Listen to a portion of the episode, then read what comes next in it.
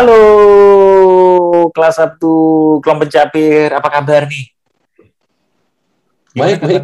Baik ya, kelas 1 ya. Iya. Alhamdulillah. baik. Alhamdulillah. ini kayaknya seru banget nih. Kita hari ini uh, hitam, bukan berarti berkabung, tapi hitam karena kita uh, Oh, iya, rasanya hitam. solid gitu ya. Uh, Hmm, Iwan solid. warnanya memberikan warna terhadap ini. Iwan hari ini cukup colorful karena uh, bajunya ada Ini. Iya, ada aksen-aksen dan juga eh, headsetnya juga hijau. Ya, Oh iya. Iya. Udah. colorful go green. Go green. Kalau Raki ada tumbuhannya yang go green. Jadi eh, apa Wah. namanya kita semua tuh eh, apa Sama botol-botol di belakangnya tuh. Wah, itu iya. ber colorful, ya colorful. Oh.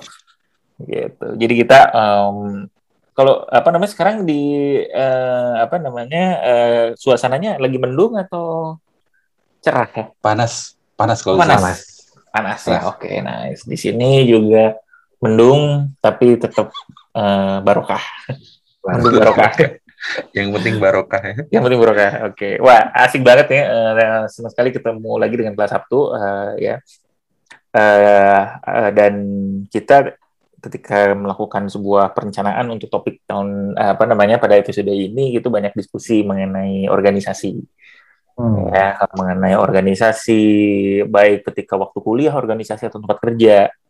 Ya dan mungkin ada aktivis organisasi ada orang-orang di tempat kerja seperti kayak gimana. Dan itu kebetulan eh, apa namanya bersinggungan juga nyambung dengan gue kemarin baru ini apa namanya ada eh, ikut eh, ada mata kuliah yang baru gue ambil nih satu ini mengenai mengenai knowledge intinya sih mengenai knowledge gitu gitu ya kenapa Wan? Enggak, berat banget ya. Belajar mengenai belajar mengenai ilmu gitu. Iya. Kita mempelajari ilmu itu sendiri. Iya. Menurut itu kayak dalam sekali Vin, gitu ya. Itu pasti Iya, banyak unsur-unsur filosofis, betul banyak pemaknaan, pemaknaan di balik Pemaknaan. itu sendiri. jadi gue hanya ada dua mata kuliah sebenarnya yang muncul knowledge Iya. ya mengenai knowledge management satu satu lagi mengenai uh, organization Oke. Nah, jadi satu uh, satu orang mengenai organization jadi knowledge benar banget kata Iwan tadi ngobrol mengenai uh, epistemologi ya jadi knowledge apa ilmu me- apa uh, pembelajaran mengenai ilmu gitu jadi knowledge itu gimana sih ya di, uh, di, di transfernya ada knowledge yang memang eksplisit atau bisa ada ditulis di manual ada yang tacit ada yang ada di dalam diri kita aja gitu jadi kita belajar mengenai eh, apa filosofi filosofi itunya gitu ya jadi Luar eh, biasa. Luar biasa. Enak. menarik, menarik, menarik. Dan ada satu ya yang cukup menarik juga di di dalam di dalam paling menarik menurut gua di minggu ini paling menarik ya itu adalah sebuah uh, mata kuliah yang membahas yang dibahas oleh uh, salah seorang profesor yang mendirikan kayaknya dia salah satu pendiri dari program gue gitu Oh. gitu. Jadi program gua itu mungkin udah 10 tahunan kali ya sisi program ini 10 atau lebih lah lebih sedikit. Nah, program gua namanya Managing People Knowledge and Change. Nah, nah orangnya adalah Mats Alfesson ya. Seperti nama orang Swedia pada umumnya ada son-sonnya gitu. Gitu. apa. Sama orang Tegal juga. Iya. Ngerti orason ya. gitu. Nah, Matt Alfreson itu banyak mencipta eh, banyak bikin buku. Eh, dia banyak eh, apa namanya membuat analisis dan kritikal eh, apa kritisi mengenai organisasi ya banyak. Nah, Hmm. salah satu yang cukup eh, provoking ini adalah kelas pertamanya dia. Ya, nah gue akan tunjukkan ininya kali ya eh, judulnya ini mudah-mudahan kelihatan. Mukanya, kirain fotonya. Nah, ini ada salah satu bukunya dia nih, Stupidity Paradox. Stupid. Ya, dan eh, dia cerita mengenai the power and pitfalls of functional stupidity at work. Jadi Hmm. di sini eh, menarik banget dia meng- me- apa namanya dia memberikan sebuah eh, apa namanya pandangan. Ya dia memberikan sebuah pandangan mengenai orang itu sering kali ya orang dan organisasi. Jadi dia membukanya dengan ketika orang baru masuk eh, itu ketika di dalam ketika orang misalnya di rumah atau di kehidupan sehari-harinya seperti kayak gimana ketika masuk ke tempat kerja dia tuh jadi jadi stupid gitu katanya ya ini menurut konsep dan mazhabnya ya ini perlu dikritisi ya ini perlu gitu perlu dia Gimana, gimana, gimana? Orang masuk kerja jadi stupid gitu, Bin. jadi ketika orang di luar lu punya pemikiran you have thinking you have eh, apa namanya lu mempertanyakan banyak hal lu berdiskusi lu mengkritisi gitu Hmm.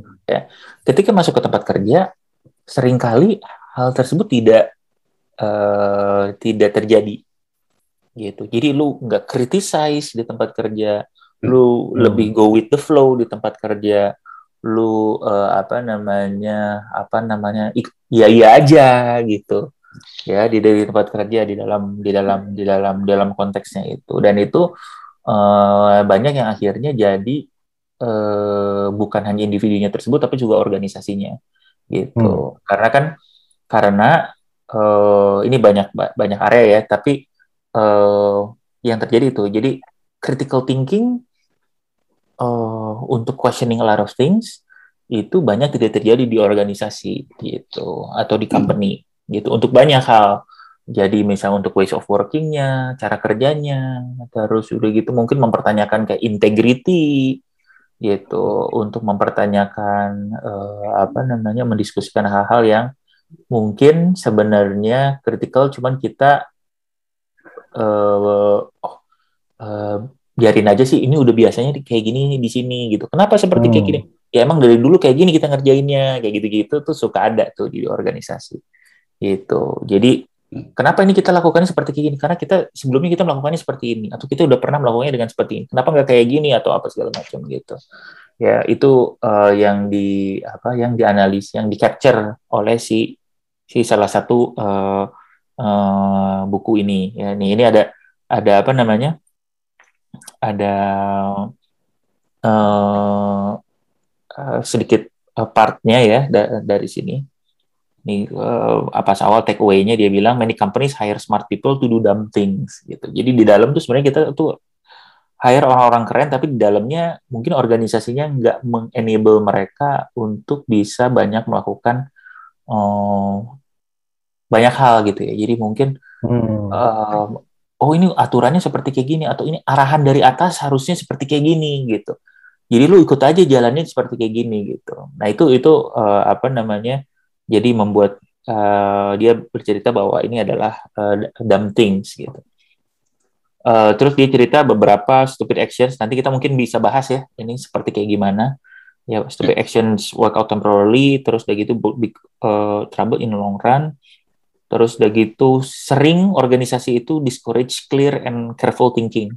Jadi eh, apa namanya karena mereka melihat itu seperti subversif ya. Hmm. Itu di organisasi aja subversif ya. Seperti Lord Hmm. Rangga dong, subversif.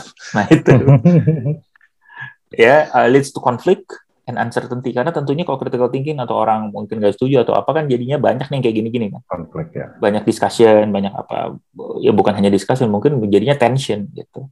Hmm. gitu. Terus many organization encourage employee stability uh, apa namanya? Jadi beberapa juga beberapa area kadang minta untuk critical tapi di beberapa area juga di limit gitu. Karena kita pengen sesuai berjalan dengan bagaimana perusahaan itu pengennya seperti kayak gimana gitu. Ya, jadi hmm, nah ini gue belum Garden Fire itu belum belum ini ya. Functional stupidity actual actually offers numerous benefit. Ya, Ya, jadi ada benefitnya kalau functional stability itu. Jadi harmony, jadi nggak banyak disku, nggak banyak apa namanya, nggak banyak ribut di company itu, ya karena dia udah oke jalan apa segala macam. Reduction in internal tension and friction. Karena kalau misalnya banyak yang apa ya kritik kritis itu mungkin jadi bakal kayak gini nih, banyak tension and friction, gitu. Hmm, nah ini nanti ya, nanti ini ada penjelasnya eh, apa namanya leadership stupidity apa segala macam gitu di sini. Ada structure, ada imitation, branding, culture induce gitu. Nah itu yang uh, dibahas. Nah mungkin ada pandangan dulu nggak dari dari teman-teman nih mengenai uh, pandangan dia ya uh, bahwa uh, di organization itu suka ada nih memang kecenderungan uh, bahwa orang itu jadinya nggak di bukan di discourage ya di in, di encourage untuk nggak terlalu kritis jadinya gimana menurut Oke. pandangan itu para pengamat sosial ini. para pengamat sosial lu ya mungkin dari dari- dari sini aja dari ya. tadi micingin mata entah ngebaca atau lagi ngeliatin sesuatu nih. atau misalnya wah nggak setuju saya nih saya nggak setuju Iya. nih ya Tapi Silakan, ini beneran ekstrim sih, beneran ekstrim. ekstrim Ekstrim, ekstrim ya. Iya, iya, ekstrim iya. karena menurut gue bener ekstrim ya eh, dan memang eh, si si dosen gue ini memang cenderung cenderung eh, eh, mengambil eh, yang yang ini. Makanya dia juga membuat judul buku kayaknya clickbait ya ini. Gitu. Eh. jadi orang tuh ini. Tapi silakan ini Iya. lu ada pandangan dulu nggak mengenai ini? Kalau tempat kerja itu gimana sih? Emang suka atau nggak ada kayak gitu? Gitu. Kalau kalau menurut gue sih Hmm. sosial konstruk kita Hmm? itu Kita tuh siapa nih? memang eh, kita sebagai se- sebagai orang baik itu dalam suatu organisasi mulai Hmm. dari eh, Hmm. rumah tangga, Hmm. eh, kantor, keluarga, pertemanan Hmm. itu pasti emang menginjus conformity sih yang Hmm. akan mereduce si Tension. apa namanya tuh tensionsnya itu. Hmm. Dan mak- maksudnya kecenderungan orang itu ingin uh, adapt ataupun sama dengan orang lain lah, biar nggak Hmm. terlalu aneh kan, Mhm. ataupun biar terlihat bahwa pemikiran dia ataupun sifat dia nggak terlalu outliers dibandingin sama orang lain. Betul. Mungkin itu bakalan mereduce kayak real karakteristik dari orang masing-masing orang itu. Hmm. Tapi menurut gue balik lagi bahwa selama ini kita itu hidup seperti itu sih. Kayak misalkan mulai kita masuk TK itu, kita mulai misalnya anaknya agak aneh gitu ya. Hmm. Eh aneh aneh aneh gitu ya. Terus Iya, akhirnya kita benar, akhirnya Benar, dengan dengan apa dengan dengan kritik dari masyarakat. Tapi walaupun sebetulnya mungkin kelakuan kita sebetulnya kalau misalkan dibiarin Hmm. ataupun eh, di apa di nurture secara baik, Hmm. mungkin ada ada ada satu trait yang eh, Baik juga ya. ya, Bagus. yang bisa lebih keren bagus atau Hmm. demikian juga dengan kita misalkan masuk ke kantor apalagi di kantor itu udah kayak organisasi yang sangat terstruktur Hmm. di mana ada values yang Hmm. harus diikutin gitu ya ya Hmm. sebetulnya uh, tiap company pasti memang ingin punya values karena udah punya drive setting Hmm. sendiri biar gimana caranya mereka bisa ngejarin si organisasinya itu kan Hmm. gue pernah uh, di satu organisasi dengan slogannya let's get it done Mhm. Ber- itu kan berarti itu udah eh, mencoba menyamaratakan bahwa apa pun yang lo kerjain, apa pun pendapat lo yang eh, mungkin berseberangan dengan orang lain bisa jadi Hmm. nggak penting, Hmm. tapi yang kita pengenin adalah gimana kerjanya bisa selesai. Betul. Betul, betul, betul. Betul. Nah, Betul juga nih. Ya. Karena karena ini menarik juga ya kayak Taiwan orang memang secara secara manusia secara umumnya memang ternyata ada researchnya tuh cenderung untuk mengikuti mass, mengikuti Ya. banyakan gitu. Jadi ada research apalah, gue gue lupa. Em, jadi kemarin sih di di di diceritainnya ada research di Amerika kalau nggak salah orang tuh me, me- apa namanya lu harus jadi dikasih itu lu harus mengelek memberikan electric shock ke orang lain gitu. Nah, 60% atau 40% apa itu mau memberikan electric shock karena semuanya the rest of the itu melakukan itu gitu. Jadi lu kadang-kadang suka lihat juga ada di YouTube ada gue sempat lihat ada satu YouTube ya. Jadi lagi ngantri apa? Ngantri dokter nih. Ngantri Hmm. dokter. Semua orang di situ begitu masuk kayak senam dulu gitu. Begitu masuk senam dulu, begitu masuk senam dulu. Eh, Ini ini Iya. research aja ya. Orang itu begitu masuk oh, kok senam dulu semua. Gak ada gunanya, gak ada tapi dia ikut senam juga. Jadi akhirnya. Iya. Padahal dia cuma gini-gini padahal oh, nggak tahu gunanya apa bentuknya seperti gimana jadi ya udah ikut aja orang karena semua orang pada melakukan itu terus juga itu ada Dan dia eh, sama sekali nggak questioning kenapa bahwa kenapa, kenapa harus senam. Heeh. eh Iya. lu kenapa senam gitu nggak gitu tapi oh Iya. senam senam aja udah Ya udah ikut gitu. aja. ya udah ikut aja gitu nah jadi memang ada kecenderungan juga seperti kayak gitu itu satu yang kedua eh gua ketika gua gua sempat tanya nih eh, pak kenapa pak eh, Mister, suka mister. ada nih mister mister mister buahnya mister Patung, Mister Patung. Waduh, Mister, Mister. Nah, jadi ketika, ketika gue nanya, Mister, eh, ini apa namanya, eh, kenapa sih suka ada unwillingness uh, untuk orang untuk nanya seperti kayak gitu ya beda banyak gitu ya jadi karena uh, culture gitu karena ya kayak tadi oh, dia dia ceritanya yang kayak tadi jadi research memang orang banyak uh, banyak yang memberikan banyak yang memang cenderung kecenderungannya untuk ngikutin. Nah, ada teman gua anak psikologi, dia uh, japri ke gua. Dia bilang ada juga elemen of capability dari orangnya. Jadi tidak semua orang itu punya capability untuk thinking outside of the box. Gitu ya. Ada juga nih. Jadi dia memberikan sebuah angle dari psikologi. Jadi bahwa nggak semua orang nih bisa punya advanced critical thinking di mana uh, lu tuh mau nanya gitu. Gitu ya. Itu jadi jadi punya punya punya dia sih bilang mungkin ada IQ ada kayak IQ-nya juga untuk untuk uh, dia tuh bisa mem mempertanyakan itu. Dan si teman gue ini nanya juga ke ke si dosen gimana kalau bahasa inability? Dia bilang tentunya itu ada cuman dia nggak pengen bahas ke situ gitu dia pengen bahasnya hmm. ke uh, mungkin lebih ke social structure atau si organisasinya gitu. Jadi karena uh, akhirnya akhirnya gue ada ngobrol terpisah sedikit lah sama dia tuh bahwa tentunya juga uh, startup culture ya budaya hmm. misalnya budaya negara di situ secara geografis uh, secara organisasi itu banyak yang mempengaruhi apakah seseorang itu pengen untuk apa ya uh, criticism ya mengkritik atau memberikan pendapat itu eh, banyak yang melihat itu sebuah area yang unfavorable ya. Jadi nggak terlalu di encourage lah gitu. Ya kayak Iwan tadi cerita mungkin eh lu kok gitu aneh aneh aneh padahal mungkin dia hanya memberikan sebuah refleksi diri yang berbeda atau ya. uh, mempertanyakan sesuatu yang gimana gitu kan gitu ya gue aja sendiri merasakan sih kalau misalnya gue sebagai anak uh, mungkin ya misalnya SD SMP gitu kadang-kadang kan suka ada yang nanya sedikit yang nggak penting gitu ngapain sih nanya-nanya kayak gitu atau misalnya buat apa nanya hmm. gitu gitu-gitu kan gitu. jadi hmm. itu uh, dan berbeda punya pandangan berbeda tuh kayaknya susah dapat temen misalnya ketika SMA misalnya gitu iya. Jadinya it's not uh, build dengan dengan dengan dengan sendirinya. So itu itu salah satu diskusinya kemarin. Kenapa Wan? Bin, hmm. sebelum kelupaan, yang tadi masalah capability bahwa tidak semua orang punya hmm. capacity atau capability untuk misalkan berpikir oh. secara kritis. Hmm. Uh, gue jadi kepikiran bahwa gimana pun manusia itu adalah makhluk organik gitu ya. Hmm. Dan di semua makhluk organik itu ada embedded uh, organizational hierarchy. Hmm kayak mm -hmm. yang paling eks yeah. yang paling ekstrim ada di insek lah di serangga mm -hmm. gitu mm.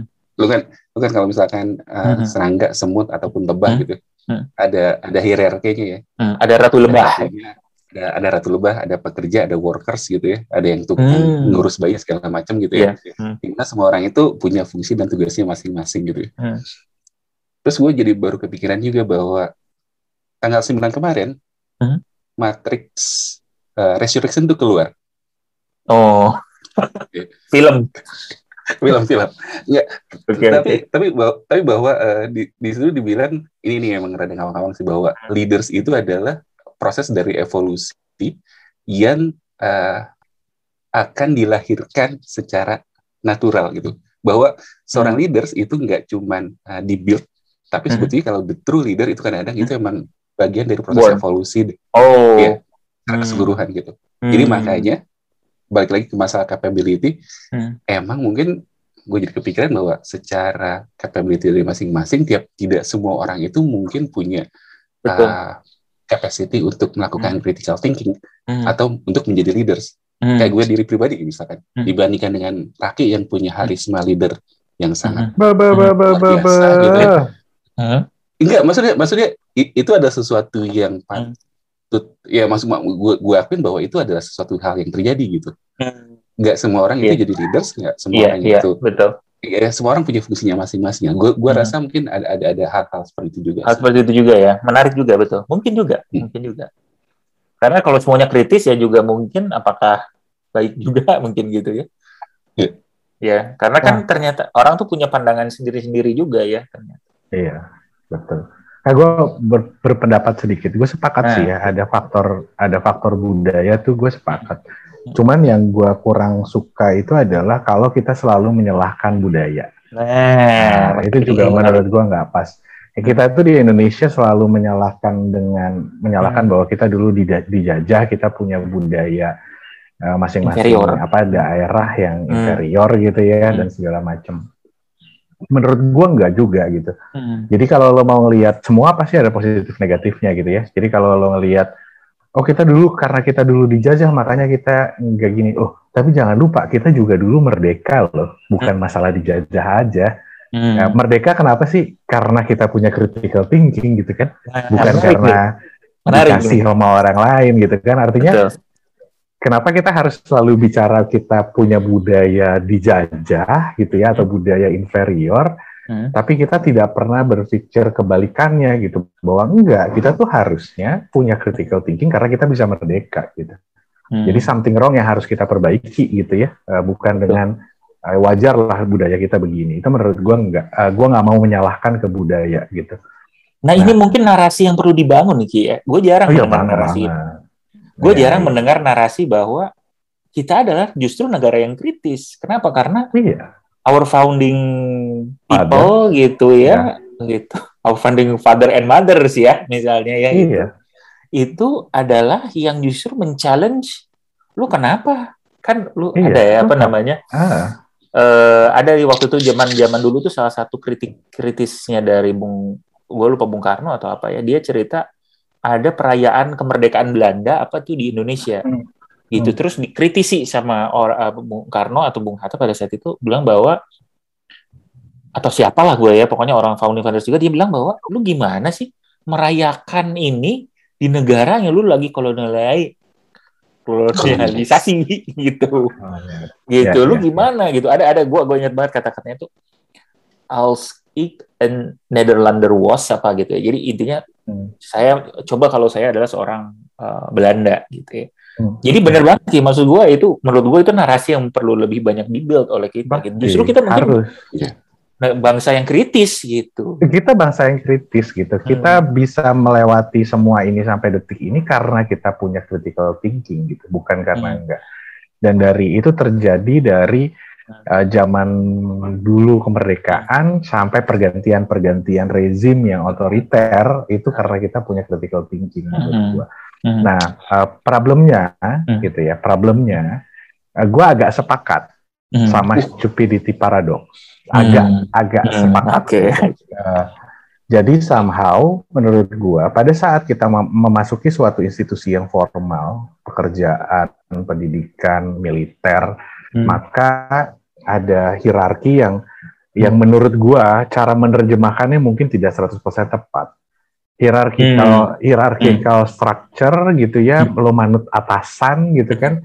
Itu kan feodalis sekali ya gitu, feodalis Eh, sekali lo nggak boleh ngelawan atasan dan segala macam.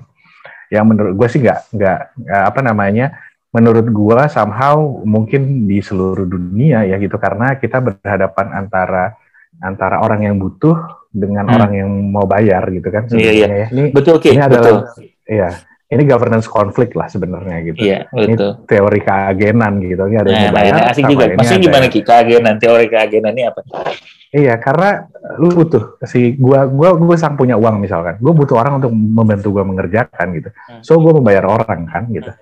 Untuk mengerjakan apa yang yang gua kalau gua sendiri lakukan maka tidak akan cukup uh, tenaga gitu untuk Hmm, lakukan. hmm, Kan itu ya cara-cara berpikirnya uh, orang yang membayar. Dan yang mau dibayar, dia pasti melakukan kegiatan untuk bisa tadi memperoleh upah gitu. Objektifnya dia adalah memperoleh up- upah. Hmm. Jadi memang di- dibilang stupidity paradox karena memang ya pada saat lo gue beri upah ya lo lakukan apa yang gue minta. Hmm. Kan idenya begitu ya.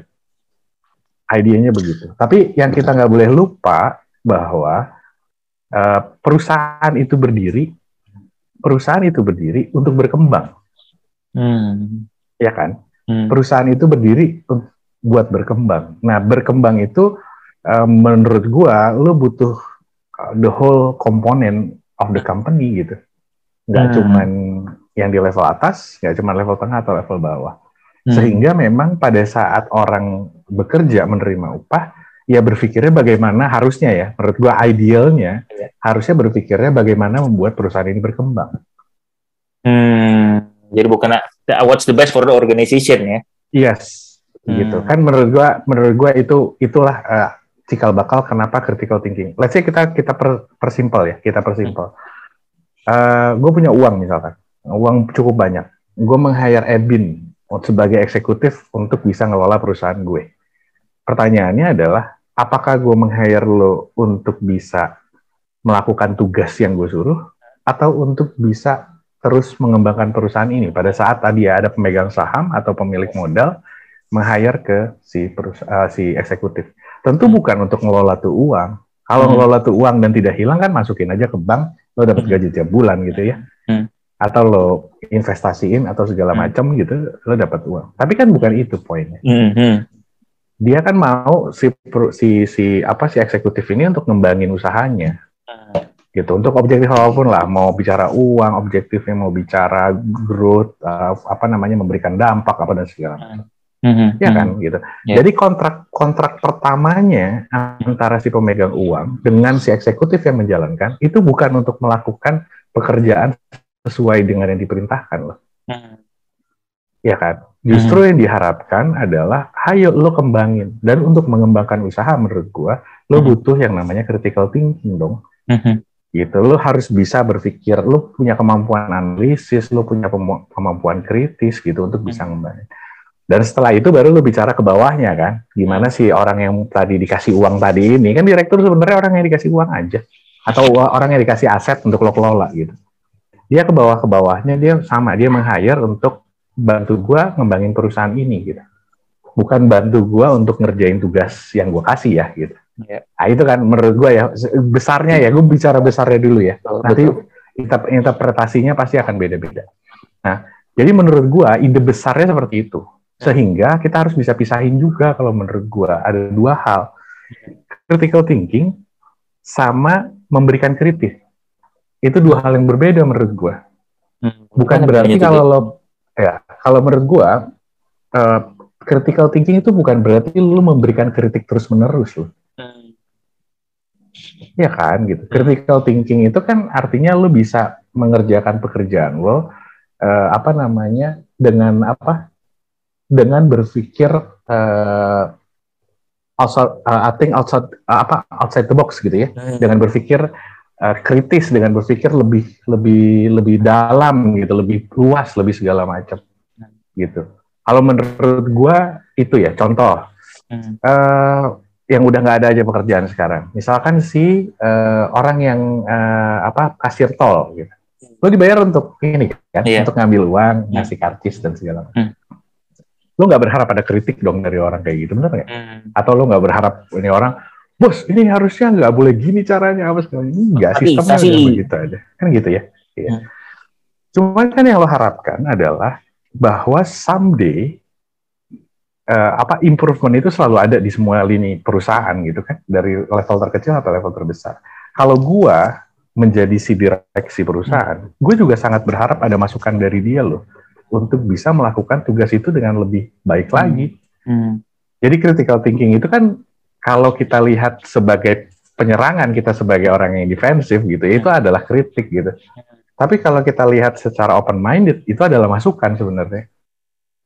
Kayak gitu kan. Kalau gua ya, kalau gua jadi jadi manajemen, gua akan berharap dari every level of the organization semua orang bisa ngasih masukan untuk improvement. Hmm. Gitu. Jadi menurut gua uh, benar secara budaya budaya organisasi ya, bukan budaya negara, budaya organisasi bahwa perusahaan itu uh, apa commonly begitu atau cara berpikirnya seperti itu. Padahal kalau lo tanya ke manajemen belum tentu mereka berpikirnya seperti itu. Hmm. Gitu ya, gitu. Ya. Nah, kedua adalah tadi gue bilang si uh, critical thinking uh, bukan berarti tadi orang yang mengkritik gitu. Hmm. Hanya mengkritik aja pekerjaannya hmm. gitu tanpa hmm. bisa ini. Nah, hmm. maka maka dari itu menurut gua yang namanya leadership itu penting leadership itu bukan masalah lo pinter-pinteran sama orang, tapi gimana cara lo handling kritik gitu kan, handling uh, inputs dan segala macam, bagaimana lo menenangkan orang lain dan segala macam. Nah, itu menurut gue uh, faktor itu. Karena gini, Bin, kalau gue ngelihatnya di, ini gue cerita sedikit ya. Iya, Bang. Gue in, in a way gue setuju sama Pak Profesor, hmm. gitu ya, stupidity, hmm. stupidity paradox banyak dilihat di mana-mana gitu ya. Although tidak semua organisasi menurut hmm. gue hmm. uh, apa namanya punya masalah dengan itu. Hmm Nah, kalau gue ngelihatnya bah uh, malah adalah problem gue sekarang gitu ya. Gue merasa gue harus improve banget critical thinking di organisasi gue. Hmm. Gitu. Kenapa? Karena gue butuh gue butuh organisasi yang lebih agile, hmm. adapting this condition. Agile menurut gue bisa berhasil kalau lo punya critical thinking. Hmm. Menurut gue ya. Kalau yeah, enggak, yeah. lo nggak akan bisa self improve your organization gitu. Uh. Jadi dia harus punya critical thinking. Jadi lo bisa lakukan improvement. Kenapa? Karena uh, kalau semua mua harus di solve dengan cara manajerial uh. yang normal, dan organisasi lo akan ketinggalan zaman. Gitu. Jadi uh. kalau gue sekarang isunya adalah justru sekarang gue butuh ngebus organisasi gue, orang-orang gue sampai ke level terkecil yang ada di organisasi gue itu punya critical thinking yang baik Hmm. Sehingga dia ngelihat sesuatu tidak tidak hanya hitam dan putih boleh dan tidak, conformity hmm. tadi istilah kita, tapi dia juga melihat apa yang bisa lebih baik lagi atau apa yang salah dari sini. Hmm. Hmm. Gitu. Paling gampang ya kita bicara absensi aja. Hmm. Ya kan? Absensi hmm. lo jam 8 pagi gitu ya, nih Bapak HRD gitu, jam 8 pagi lo harus tap in, harus ini ya, zaman dulu kita sebelum Covid. Gue selalu mengkritik itu di every organization. Selalu gue tanya apa objektif lo? Atau kita balik ya kalau gue karena gue banyak bicara manajemen risiko apa risiko lo untuk bisa um, mengelola kontrol yang seperti ini? Gitu. Kalau karyawan telat risikonya apa sih? Gitu. Lo mendefinisikan itu enggak gitu. Mengganggu produktivitas. Oke okay, ada buktinya kalau ini mengganggu produktivitas apa enggak gitu. Misalkan ya gitu. Jadi hal-hal yang hal-hal yang begitu kan orang harusnya berpikir kritis gitu. Hmm. Jadi orang tahu gitu fungsinya ini apa. Nah ini juga sejalan sebenarnya sama Simon Sinek ya kalau ya gue hmm. juga suka hmm. masalah why gitu ya. Jadi uh, I don't know nama nama jenis leadershipnya apa tapi mempromot why di organisasi itu jadi penting gitu. Kenapa hmm. lo ada di sini? Itu kan salah satu yang ngebuat orang punya punya critical thinking ya. Kalau menurut pendapat gue sih gitu. Jadi gue in a way gue setuju, tapi uh, tidak semua organisasi seperti itu. Dan tadi ya gue yeah. bilang, uh, yes it is about organization culture which is leadership jadinya penentu sekali gitu ya tergantung leadernya seperti apa dan ini dan apa namanya uh, uh, tadi apa ya bukan budaya negara. Kita nyalahin budaya aja gitu. Jangan nyalahin budaya negara. Gitu. Hmm. Walaupun GERF hosted ya dia ngeluarin apa namanya uh, uh, paper mengenai budaya hmm, orang negara, Indonesia negara. yang sangat eh. ini gitu itu menghindari konflik itu itu dibilang tuh menghindari iya. konflik sangat iya. ikut sama atasan dan segala hmm. macam. Kita pernah bahas atau enggak ya gitu ya? Pernah ya? Belum pernah. GERF hosted kayaknya kita belum pernah. Hmm. Hmm. Itu menarik juga. Cuma ya tadi kembali lagi menurut gua ya kalau kita selalu begitu dan itu dijadikan alasan menurut gue kita nggak ke mana-mana sih. Hmm. Iya iya iya. Iya iya menarik menarik benar benar ki benar ki. Jadi yang pertama juga adalah bahwa ini um, uh, ya itu okay. maksudnya of course uh, setiap orang ada ada ada pandangannya juga. Jadi ketika lu hmm, cerita mm -hmm. oh iya mungkin ada hal yang lu rasa setuju, ada hal yang enggak juga I think it's it's it's great gitu ya. Mungkin yang kayak yeah, gini yeah. juga gitu ya. Karena gue juga belajar bahwa bukan belajar gue lagi belajar bahwa even dari setiap research itu tuh ada kritisisme dari setiap Pasti. artikelnya. Menarik, Jadi misalnya ya? ini buku ini ada kritiknya mengenai ini tuh, ini kurang membahas ini gitu. Jadi kayak misalnya lu tadi kan cerita, oh jangan hanya culture, karena jangan kayak gini, karena ini menurut gue uh, ada juga area-area ini yang mungkin I think diskursi Uh, yeah, yeah. Uh, ini menurut gua uh, cukup menarik sih. Uh, maksud gua apa namanya? Jadi ada pandangan-pandangan yang seperti itu gitu. Karena karena menurut gua memang ujungnya knowledge itu adalah wisdom ya. Hmm. Menurut gua ujungnya tuh wisdom, makanya hmm. filosofis lah gitu ya. Hmm. uh, apa gue ngambil yang gue belajar S2 gue yakin Iwan juga ngerasain dan gue yakin lo juga akan ngerasa lu sedang ngerasain dan mungkin sudah merasakan hmm. ya adalah bahwa knowledge itu knowledge itu pasti ada dua sisi gitu hmm. Iya kan, gitu pasti tadi ada kritiknya, ada yang setuju, ada yang tidak setuju gitu. Jadi sangat luas cabangnya. Kalau lo mau tarik lagi pasti ada hubungannya dengan psikologi, ada hmm. hubungannya dengan ya kan eh, macam-macam lah gitu. Hmm. Jadi itu ada hubungan ke mana-mana gitu dan habis itu lo akan merasa kecil gitu. Ya, gue cuma tahu segini doang dari sekian banyak. Banget gitu. Benar-benar. Benar-benar. Benar-benar. Benar-benar. Iwan tadi ada mau kasih pandangan apa Wan dari Iwan?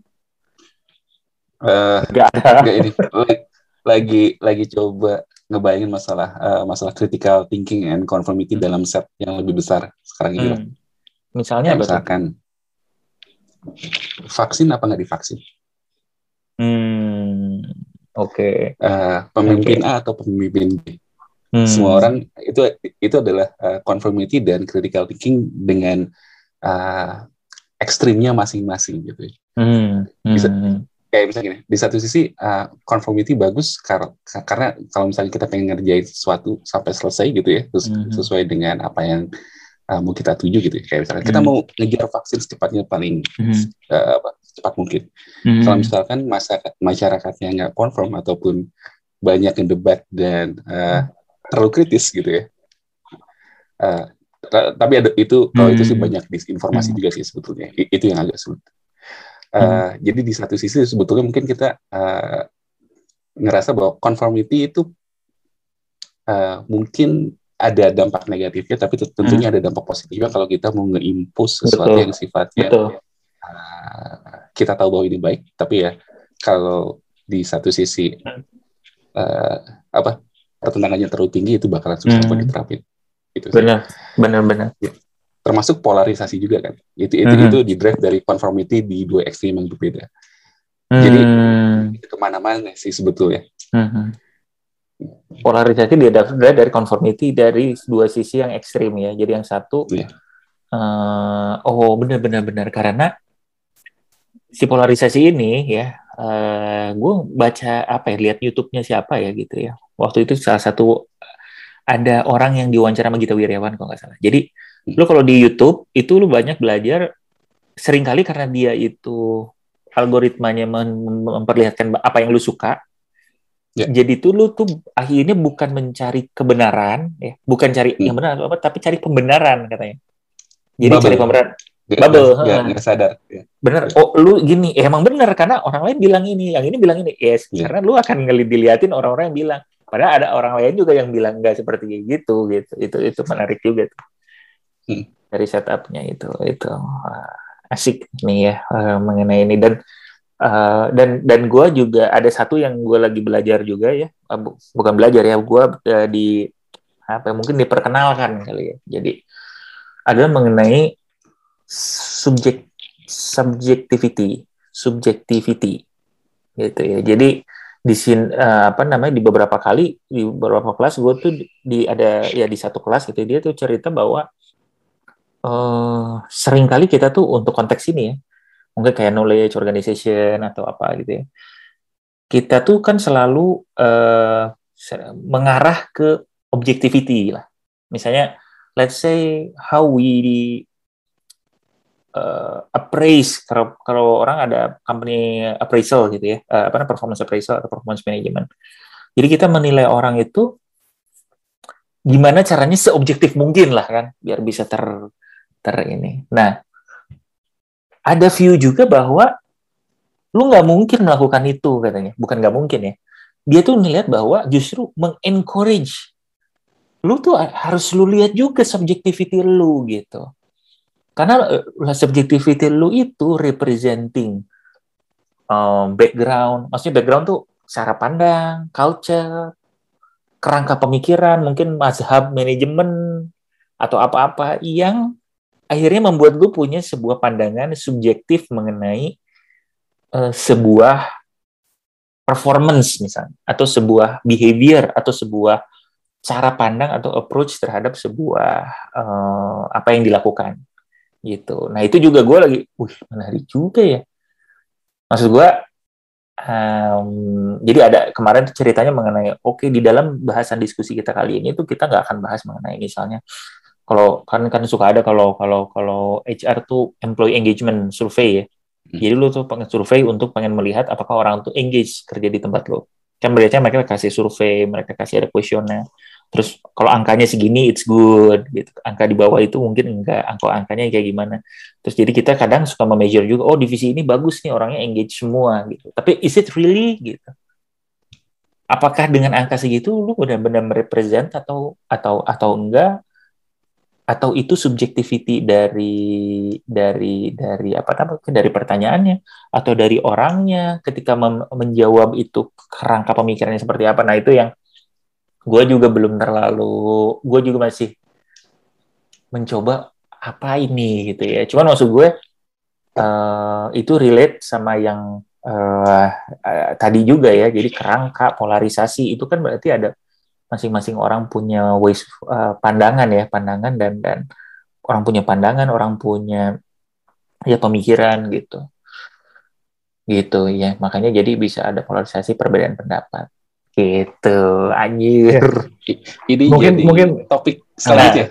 Nah, ya, gimana, gimana lagi ya, mungkin juga gue kebetulan ya masuk di satu organisasi yang di awal sekali sama sang pemilik uh, organisasi gitu ya dia ngasih quotes yang membuat gue teringat sampai sekarang. Apa tuh? Dia bilang, jadilah roda yang berdenyit, berderit. Roda yang berderit? ya. Kenapa Karena tuh? kalau kalau roda berderit itu, kalau lo bawa gerobak, rodanya hmm. bunyi, lo pasti hmm. akan merhatiin tuh roda kan. Lokasi hmm. minyak, hmm. gitu ya. Jalan lagi lo dengerin lagi. Jadi lo hmm. memperhatikan. Hmm. Jadi maksudnya dia adalah ya itu jadilah orang yang kelihatan gitu. Hmm. Hmm. Gitu. Jadi nggak bisa lo diem diem aja gitu, hmm. nggak hmm. bisa lo ini hmm. lo harus kelihatan gitu memang. Hmm. hmm. Kelihatan tuh dalam artian ya lo hmm. apa namanya memberikan ya, pandangan lah ya. Ya kepercayaan gue adalah lo uh, apa bukan mengkritik. Ini kembali lagi ya menurut gue tuh dua hal yang ya. berbeda yeah. antara kritik dengan critical thinking.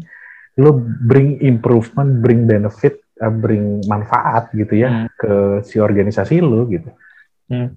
Itu menurut gue sih itu penting banget gitu ya mikirin apa apa apa yang bisa lebih baik lagi gitu. Apa ya itu menurut gue sih jadi warnanya banget lah gitu. Kalau gue ngelakukan banyak hal tuh gue pasti mikirin what's what's in it for everyone gitu. Hmm.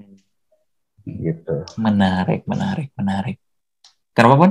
Obat obatnya adalah WD40 Nah itu betul banget itu dia WD40 obatnya. Iya iya iya iya iya iya. iya. Benar-benar. Ya, roda yang berderit, berderit. Uh, uh, menarik juga ya. Jadilah ya. roda yang. Tapi berderit. roda yang berderit itu ini nggak tahu nggak ya? Apa nih dia lancar nggak jalannya? nggak tahu. Gitu. Tapi lo bunyi. Nah itu kan bunyi. makanya sebenarnya yeah. bukan masalah performa lo bagus gitu kan, yeah, yeah, performa betul, lo optimal saja gitu. Hmm. Karena gue ngalamin ya, hmm. Bin ya, hmm. apa namanya di nggak, gue ngalamin gini. Hmm. Kebetulan karena industri gue consulting, hmm. uh, in a way gitu orang mikir gitu ya bahwa pada saat in in your early career, uh, lo harusnya bisa jadi orang yang ngikut apa yang diminta gitu. Ya, somehow ada yang berpikir begitu. Lo ikut aja apa yang diminta, lo lakukan pekerjaan lo dengan baik. Kalau harus lembur-lembur, kalau harus uh, pergi ke ujung dunia, lo pergi ke ujung dunia, gitu kan. Hmm. Lakukan itu semua, gitu. Tapi di satu sisi, pada hmm. saat hmm. lo sampai certain level, gitu ya, hmm. di managerial level hmm. atau udah senior hmm. level, lo diminta untuk berpikir. Ya, betul, betul banget. Lo diminta untuk bisa berkomunikasi dengan baik. Gitu. Hmm. Nggak bisa begitu menurut gua itu yang gue oh, ini menurut gue enggak lo berpikir dari saat lo masuk mm-hmm. gitu itu yang itu yang menurut gue jadi penting banget gitu betul gitu. betul lo harus bisa berpikir dari lo masuk lo harus mm. bisa kalau kita bicara lo harus punya koneksi yang banyak ya lo harus mm. punya koneksi yang banyak dari lo masuk gitu mm. karena nggak bisa tiba-tiba gitu. muncul ya itu ya nggak bisa terus tiba-tiba lo diangkat jadi level bisa mikir gitu ya nggak bisa ya cari cari klien hah gue 15 tahun ini eh, udah itu. tidak punya teman. Iya, lu sempat cerita tuh kan? kan gila. Iya. lu, lu, Karena lu kan gue kerja. Ya gue inget lu sempat cerita bahwa uh, di dalam consulting kadang-kadang kan kalau waktu awal-awal dia belum disuruh cari klien lah gitu. Mm-hmm. Ya, nanti certain level lu harus cari klien. Nah, gimana lu berharap orang ini bisa jago cari? Karena dari pas awal juga kan gak diajarin. Lu tiba-tiba harus bisa iya. gitu kan. Iya, itu gitu. aneh. Hmm. Lo bahkan kehilangan teman kan karena lo sibuk kerja gitu. Waktu awal-awal sibukannya di kantor gitu. Iya, bener. Temen lu ya, pasti ada maunya nih dia nge iya. gue. MLM ya. Kehilangan. Iya kan? Ini mungkin mau nawarin produk lain nih. ya. Mau jadi downline-nya nih mungkin ya. iya gitu gitu. Nah, benar benar benar Ji. I think I think that's that's ini ya. Jadi dari dari awal justru harus ininya ya, harus kita nurture ya ininya. Mm -hmm. Mm -hmm. Wah, ya, gue agak agak cukup percaya sama itu sih gitu ya, sama mm. konsep itu dan kalau gue ada satu buku yang gue baca dari awal gue kerja ya, apa namanya? Itu bukunya John Maxwell. Hmm. Uh, gue lupa ya judulnya, tapi kalau nggak salah Creating Leaders Around You. Hmm. Gitu ya. Di waktu awal-awal gue kerja tuh gue baca buku itu ya menurut gue ya buku populer lah ya John hmm. Maxwell gitu kan. Leadership ya. Uh, ha -ha, gitu kan dia banyak nulis buku leadership tapi ada satu satu buku itulah yang gue kebetulan baca gitu buku yang lain nggak gue baca cuma buku itu dan kebetulan ya itu buku lumayan ini sih menginspirasi artinya hmm. dia bilang hmm. pokoknya bahwa lo harus uh, yang yang gue paling ingat banget adalah you have to create the environment hmm. so the hmm. leaders bisa berkembang jadi hmm. critical thinking menurut gue itu tadi penting banget dalam rangka ya tadi lo menciptakan leader jadi lo pasti hmm. mau leader-leader lo yang bisa berpikir kan Iya, betul. Bukan yang hanya bisa melakukan pekerjaan dengan baik gitu. Mm -hmm. Menurut gue sih jadinya itu ya, apa create di climate gitu. Gue sih selalu mm. bilang lu bikin lo, lo sebagai mm. ini ya, sebagai pemimpin ya lo harus bikin mm. iklimnya gitu. Mm -hmm. Gak bisa selamanya nyaman, tenang mm. gitu. Gua kadang-kadang lo harus kasih bencana juga gitu.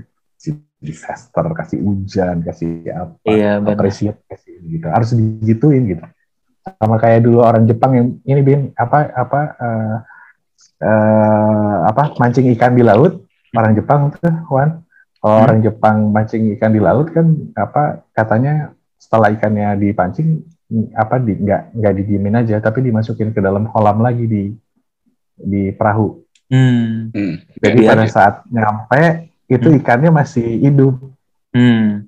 Hmm. Jadi biar dia masih segar ikannya. Hmm. Karena hmm. daging ikan segar itu lebih enak gitu. Jadi memang di create gitu environmentnya supaya lo menghasilkan yang optimal. Suatu. Hmm. Sama ada yang kurang ki. Selain Sama dimasukin ke dalam kolam lagi, hmm. dimasukkan juga pemangsanya. Jadi ikannya pun oh, tetap bergerak iya, bahkan, terus. Bahkan gerak terus ya ikannya ya. Nah iya iya, iya. itu benar tuh Iwan. Jadi juga manusia ini ya. Iya. Udah gitu datang-datang terus dimakan. Playing God. udah dipancing diambil dari lingkungan masukkan lingkungan baru dikasih pemangsa dimakan jahat sekali manusianya Nah, yeah. menarik sekali, menarik sekali memang nih. Ini ini coba coba diskusi yang sangat menarik ya, karena menyentuh berbagai. Ini, iya. Nah.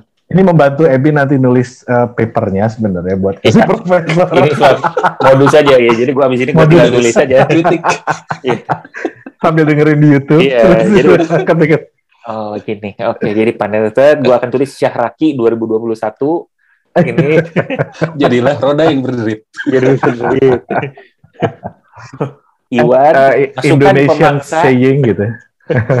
gitu. Gue dari mengutip mengutip dari seorang praktisi teknologi dan security. gitu. Oke, okay, uh, mudah-mudahan dapat uh, kelompok pencapir bisa juga mendapatkan views ya minimal pendapat juga dan tentunya kalau kelompok ya. pencapir punya pandangan biar juga ya di apa namanya di komen ya itu banyak nih suka mulai nih komen-komen walaupun ada beberapa komen uh, ya ya terkait dengan materi mungkin ada juga ya, yang ya. berhubungan peninggi tapi ya badannya kakak gitu iya. apa peninggi badannya kakak gitu ada juga tapi nggak apa-apa kita tetap apresiasi iya. ya siapa tahu punya pandangan mengenai mengenai ini kita sangat tunggu nih biar siapa tahu kita bisa diskusi atau malah bisa kita undang ke kelas Sabtu untuk bisa iya. kita uh, tukar pikiran. Oke? Okay? So, terima kasih banyak. Sekali lagi, Om Pencapir, have a great Saturday dan see you. Bye-bye. Bye, everyone.